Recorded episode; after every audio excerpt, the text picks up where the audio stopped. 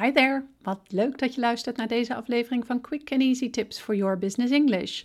Vandaag heb ik voor jou Improve Your Basics, begrijp de present perfect tense perfectly. Mijn naam is Anneke Drijver van Improve Your Business English en de auteur van het boek Master Your Business English, Communicate with Power in 7 Simple Steps. Ik help jou als ondernemer of senior business professional van je middelbare school Engels af, zodat je ook internationaal met impact en vol zelfvertrouwen in het Engels kunt communiceren, maar bovenal volledig jezelf kunt zijn.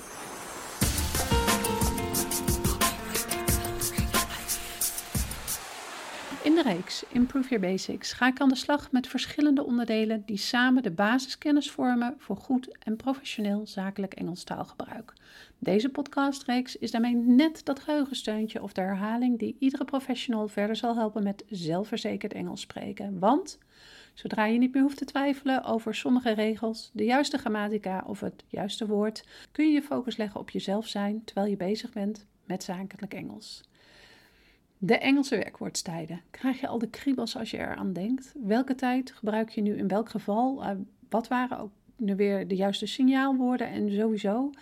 Hoe zit het nu precies? Nou, geen zorgen, je bent namelijk lang niet de enige. Heel veel Engelse taalleerders hebben ontzettend veel moeite met het juiste gebruik van de Engelse werkwoordstijden. Herken je jezelf hier ook in? Nou, na het luisteren van deze podcast is het misschien al wel ietsjes minder. Ik neem je vandaag namelijk mee naar de present perfect tense. Dat is namelijk een Engelse tense die heel veel verwarring oplevert en daarom ook misschien wel de moeilijkste is om in het Engels correct te gebruiken. Het is vooral zo moeilijk omdat de present perfect tense op verschillende manieren gebruikt kan worden en lastiger te vertalen is omdat andere talen er geen duidelijk equivalent voor hebben. Laten we beginnen bij het begin. Want hoe vorm je de present perfect tense nu precies? Eigenlijk is dat best makkelijk. Je gebruikt de tegenwoordige tijd van het werkwoord to have en het voltooid deelwoord van het hoofdwerkwoord in de zin. Het voltooid deelwoord is bij regelmatige werkwoorden de stam van het werkwoord plus ed en bij onregelmatige werkwoorden zul je de vorm uit je hoofd moeten leren. Luister maar eens naar de volgende voorbeelden. Jack has lived here all his life. I finished four assignments already. She has worked here since she graduated university. Pete en Susie have been to Canada. Maar wanneer zou je de present perfect precies moeten gebruiken? Eigenlijk kan dit in vijf situaties. Ik noem ze voor je op. Wanneer je het hebt over een actie die op een bepaalde tijd in het verleden is begonnen en tot op het heden nog steeds bezig is. Bijvoorbeeld, I've lived in the Netherlands since 2000. Wanneer je het hebt over een actie die herhaald wordt tussen het verleden en het heden in. Bijvoorbeeld, We've gone to our offices many times. Wanneer je het hebt over een actie die nog niet is afgelopen. Bijvoorbeeld, It has rained a lot this month. Wanneer je het hebt over een actie die in het recente verleden is afgelopen. Bijvoorbeeld, I've just finished my five-year job at this office. Wanneer je het hebt over een actie waarbij tijd geen belangrijk aspect is. Bijvoorbeeld, He has lost his special belongings in the fire. Je gebruikt hem dus niet wanneer er specifieke uitdrukkingen van tijd in de zin staan die al voorbij zijn, zoals vorig jaar, die maand enzovoort. Veel Nederlanders raken in de war bij een zin als I've lived here for five years. De letterlijke vertaling is namelijk ik heb hier vijf jaar gewoond. In het Nederlands betekent dat dat je er niet meer woont, maar de present perfect in het Engels impliceert dat juist niet. Het heet niet voor niks de present perfect. Bij de zin I've lived here for five years woon je er nog steeds. Je hebt het dus over het verleden en de manier waarop een bepaalde actie of gebeurtenis invloed heeft op het heden.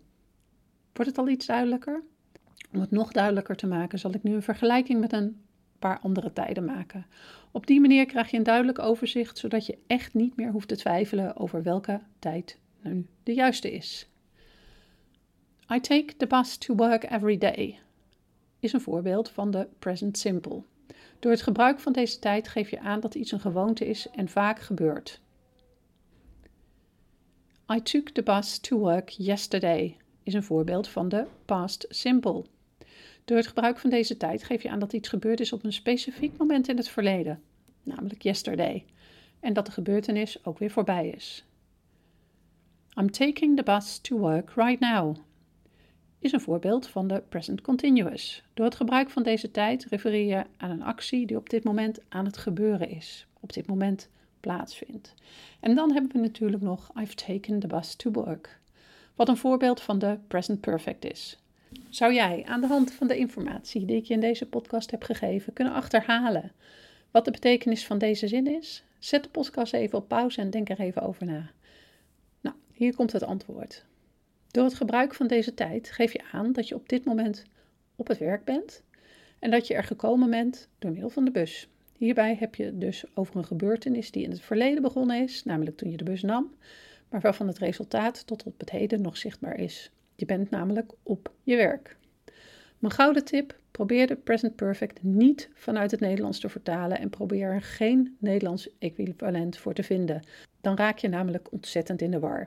Probeer jezelf bekend te maken met het gebruik en probeer de werkwoordstijd ook zelf te gebruiken wanneer je Engels spreekt. Je zult merken dat je op een gegeven moment niet meer hoeft te twijfelen over deze werkwoordstijd. Als je deze aflevering hebt geluisterd, zou ik het enorm op prijs stellen als je een review van ons zou willen schrijven op SoundCloud of iTunes. Of een beoordeling voor ons zou willen achterlaten op YouTube. Een reactie van jou helpt anderen namelijk weer om deze podcast te kunnen vinden en daarmee hun Engels te verbeteren. See you next time met quick and easy tips for your business English.